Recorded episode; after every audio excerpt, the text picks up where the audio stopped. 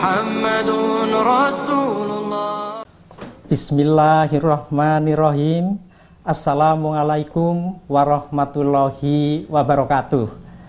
Alhamdulillahirabbil alamin. Wassalatu wassalamu ala asrofil anbiya iwar musalim sayyidina wa maulana Muhammadin wa ala alihi wasahbihi ajmain. Ama batu yang saya banggakan adik-adik panitia Ramadan di Masjid Kampus UGM saudara-saudaraku jamaah Masjid Kampus UGM rahimahkumullah. Uh, puji syukur marilah kita panjatkan kehadirat Allah Subhanahu wa taala karena dengan rahmat, taufik dan hidayahnya pada hari ini di bulan suci Ramadan tahun 1440 Hijriah kita bisa berjumpa uh, kembali dalam keadaan sehat wal afiat eh, solawat dan salam semoga tercurah kepada Nabi besar junjungan kita Muhammad Shallallahu Alaihi Wasallam, keluarga beliau, para sahabat serta kita semua para pengikut setianya hingga di akhir zaman. Eh, Bapak, Ibu, dan saudara eh, kaum muslimin yang berbahagia. Alhamdulillah saat ini kita berada di bulan Eh, Ramadan bulan yang mulia, musim yang agung. Allah Subhanahu wa taala telah mengagungkan pahalanya pada bulan Ramadan dan memperbesar pemberiannya. Pada bulan ini pintu kebaikan terbuka untuk semua orang yang berkeinginan untuk melakukan kebaikan. Bulan yang penuh kebaikan dan keberkatan.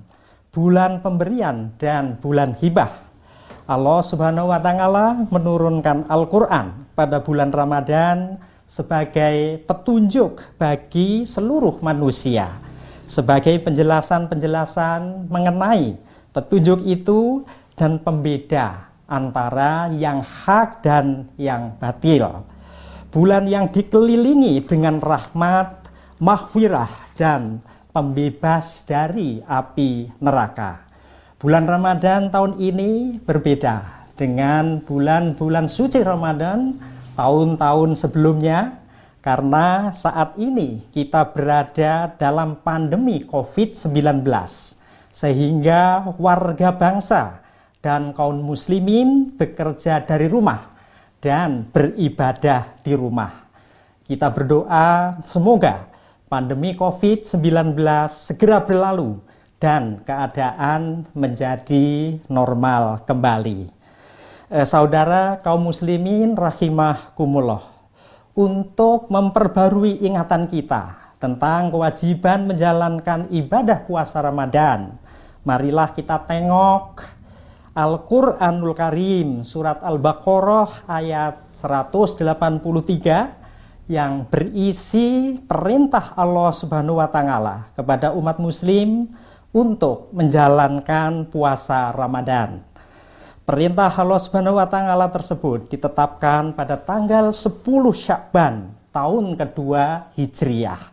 Bismillahirrahmanirrahim.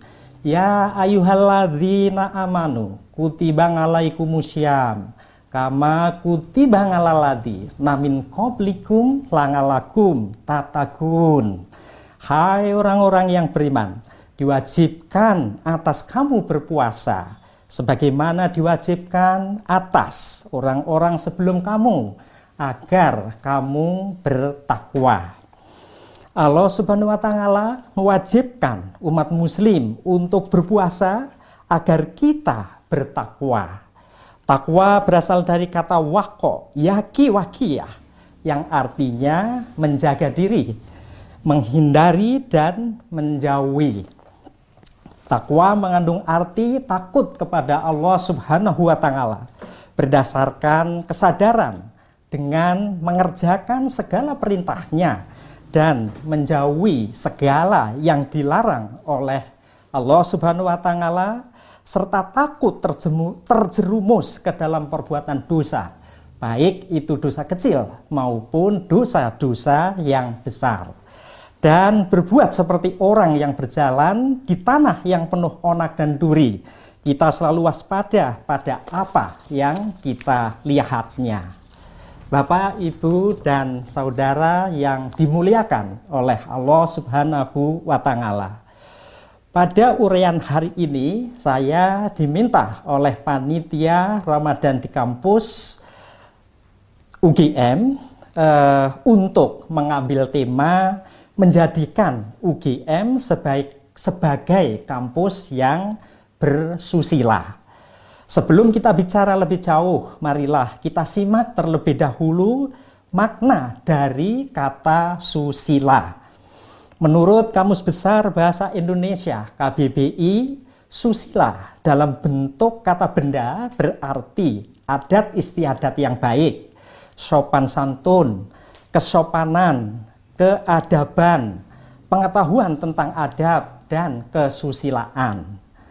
Dalam bentuk kata sifat, susila berarti baik budi bahasanya, beradab, dan sopan. Selanjutnya, marilah kita lihat tujuan didirikannya Universitas Gajah Mada. Seperti tertuang dalam peraturan pemerintah Republik Indonesia nomor 67 tahun 2013 tentang statuta Universitas Gajah Mada. Mandat didirikannya UGM adalah untuk menyelenggarakan pendidikan tinggi berdasarkan Pancasila dan Undang-Undang Dasar Negara Kesatuan Republik Indonesia tahun 1945 serta kebudayaan Indonesia demi kepentingan kemanusiaan dan perkembangan bangsa Indonesia. Misi utama UGM adalah mendidik bangsa Indonesia menjadi manusia susila yang cakap, dan memiliki integritas berdasarkan Pancasila serta mengembangkan ilmu pengetahuan dan kebudayaan bagi kemandirian dan kesejahteraan bangsa Indonesia. Manusia susila di sini secara lebih rinci dimaksudkan sebagai manusia yang berjiwa bangsa Indonesia, berbudaya Indonesia, mempunyai keinsafan hidup berketuhanan yang Maha Esa, berperi kemanusiaan yang adil dan beradab, demokratis, diliputi oleh kenyataan dan kebenaran, cerdas, kreatif, terampil, mampu berkomunikasi dan berkesadaran lingkungan untuk melaksanakan tanggung jawabnya terhadap pembangunan kebudayaan, hidup kemasyarakatan serta masa depan bangsa dan negara Indonesia khususnya dan umat manusia pada umumnya. Eh, Bapak, Ibu, dan saudara yang saya banggakan. Lalu, bagaimana caranya agar UGM menjadi kampus yang bersusila dalam arti seluruh sivitas UGM, baik itu mahasiswa, dosen, dan tenaga kependidikan memiliki jiwa dan karakter kesusilaan yang kuat, dari sisi kelembagaan tentu harus tersedianya peraturan-peraturan yang menjamin agar perilaku sivitas UGM sesuai dengan etika kesusilaan yang kita harapkan. Dari sisi pendidikan dan pembelajaran bagi para mahasiswa, diberikan materi-materi terkait kesusilaan dan didorong tumbuhnya kegiatan-kegiatan ekstra dan co-kurikuler untuk menumbuh kembangkan karakter mulia para mahasiswa. Lingkungan UGM juga harus memberikan tauladan etika mulia dalam segala bentuk aktivitas dan kegiatan yang diselenggarakan di Universitas Gajah Mada. Bapak Ibu, jamaah Masjid Kampus Rahimah Humullah. Dari sisi peraturan yang terkait dengan etika, UGM telah memiliki beberapa peraturan antara lain keputusan rektor nomor 246 garis miring P garis miring SK garis miring HT garis miring 2004 tentang kode etik dosen UGM sebagaimana telah diubah dengan keputusan rektor nomor 42 garis miring P garis miring SK, garis miring HT, garis miring 2005. Yang kedua, Peraturan Rektor nomor 8 tahun 2017 tentang kode etik tenaga kependidikan UGM. Yang ketiga, Peraturan Rektor nomor 711 garis miring P, garis miring SK, garis miring HT, garis miring 2013 tentang tata perilaku mahasiswa UGM. Dan yang keempat adalah peraturan rektor nomor 1 tahun 2020 tentang pencegahan dan penanganan kekerasan seksual oleh masyarakat eh, UGM. Terkait dengan pendidikan, pengembangan karakter dalam kehidupan sosial mahasiswa termasuk di dalamnya adalah kesusilaan dirancang dengan mengimplementasikan soft skill. Universitas Gajah Mada mendorong dan memfasilitasi model dan metode pengembangan muatan soft skill dalam kurikulum yang diwujudkan dalam berbagai metode. Sejak mulai masuk sebagai mahasiswa baru dalam program pembelajar sukses mahasiswa baru PPSMB diintegrasikan dalam mata kuliah, kegiatan ekstra kurikuler, kurikulum asrama di UGM Residen, program-program magang di industri, hingga implementasinya di masyarakat melalui kuliah kerja nyata, pembelajaran dan pemberdayaan masyarakat atau KKN PPM. Keseimbangan antara hard skill dan soft skill harus didukung dengan penyediaan ruang aktivitas sosial keagamaan agar kehidupan mahasiswa di bidang akademik dan sosial dapat seimbang. Keseimbangan hidup ini akan menghasilkan mahasiswa yang memiliki kemampuan lebih untuk berimajinasi, kreatif, dan berkolaborasi dengan individu lainnya sehingga keterampilan sosial dasar termasuk kesusilaan menjadi bagian dari kehidupan mahasiswa sejak awal. Slogan yang pernah diusung dalam PPSMB UGM tahun 2018 adalah agar mahasiswa UGM menjadi sang juara. Akronim dari santun, adil, nasionalis, gembira, jujur, unggul, amanah, religius, dan andal.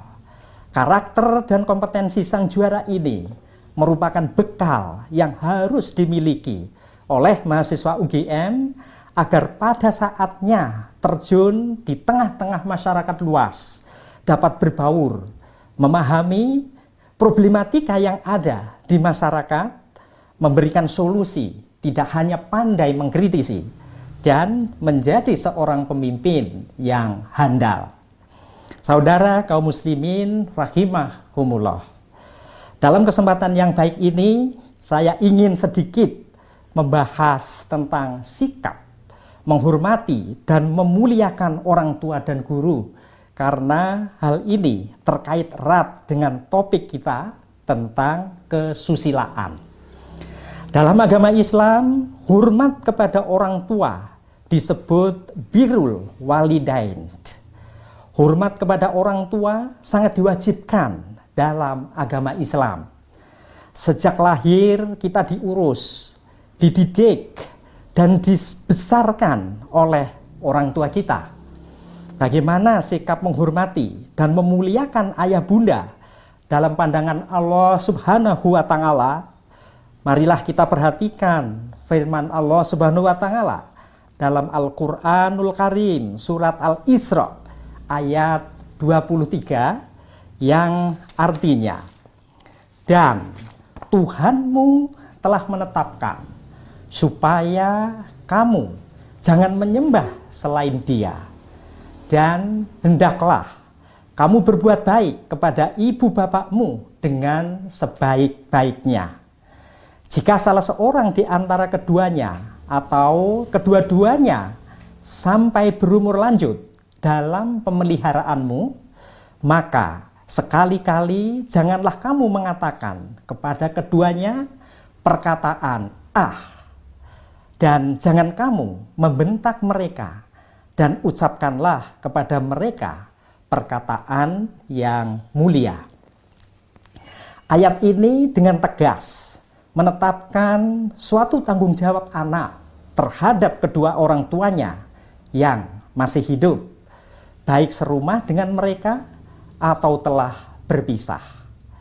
Jika dalam keseharian anak bersama orang tuanya, maka anak dengan sungguh-sungguh berkewajiban menunjukkan sikap hormat dan mengucapkan kata-kata yang menyatakan rasa memuliakan mereka.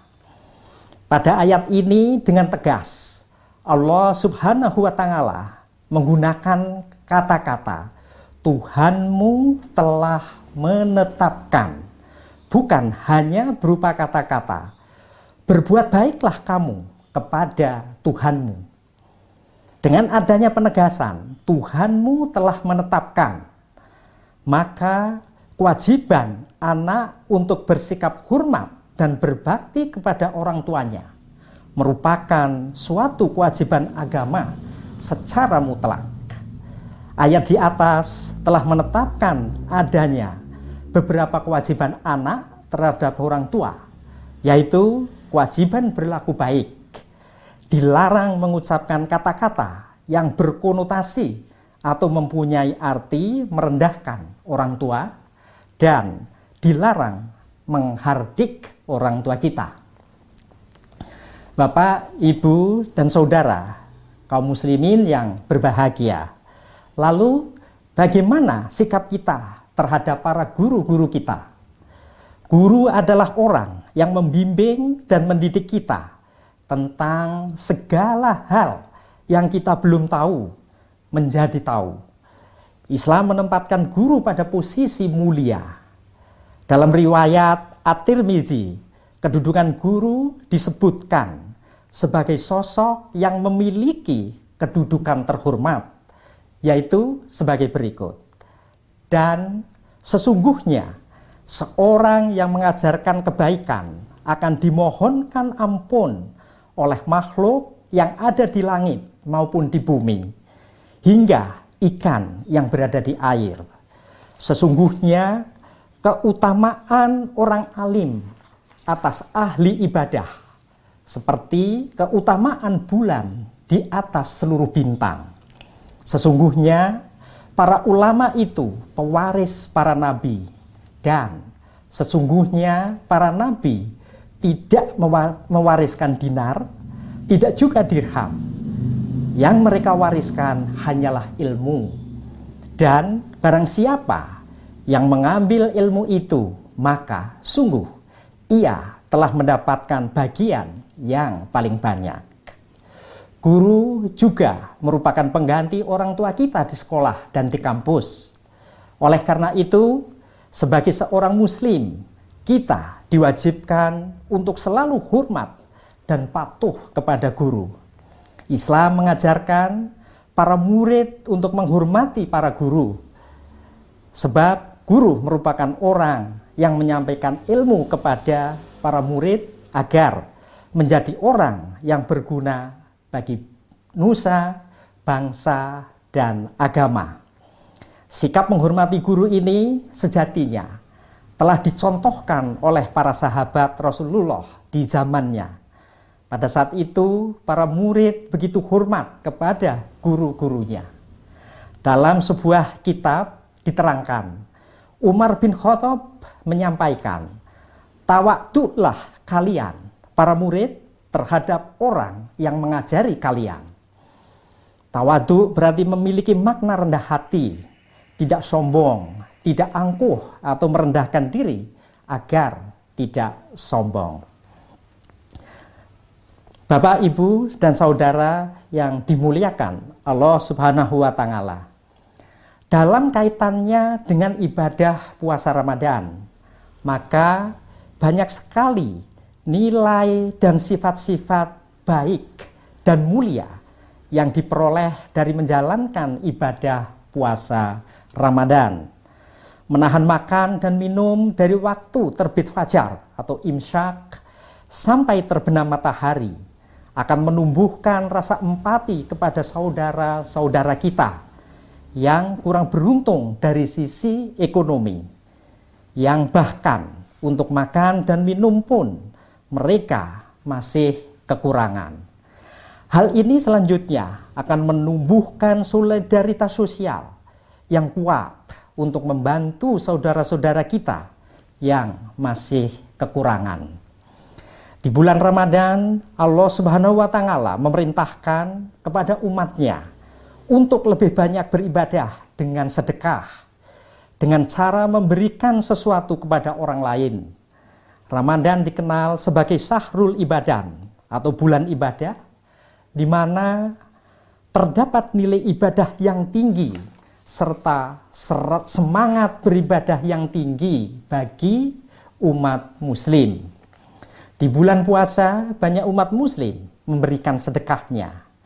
Said bin Alid al-Juhani radhiyallahu anhu berkata bahwa Rasulullah Shallallahu alaihi wasallam bersabda yang artinya siapa memberi makan orang yang berpuasa maka baginya pahala seperti orang yang berpuasa tersebut tanpa mengurangi pahala orang yang berpuasa itu sedikit pun juga. Di bulan Ramadan, umat Muslim dilatih dan diingatkan kembali untuk membangun empati, kasih sayang, dan solidaritas kepada sesama. Dan di akhir bulan Ramadan, sebagai pelengkap ibadah puasa, Allah Subhanahu wa Ta'ala memerintahkan umat Muslim untuk membayar zakat fitrah kepada fakir miskin. Dengan demikian, ibadah puasa sejatinya mengandung proses untuk membangun rasa solidaritas.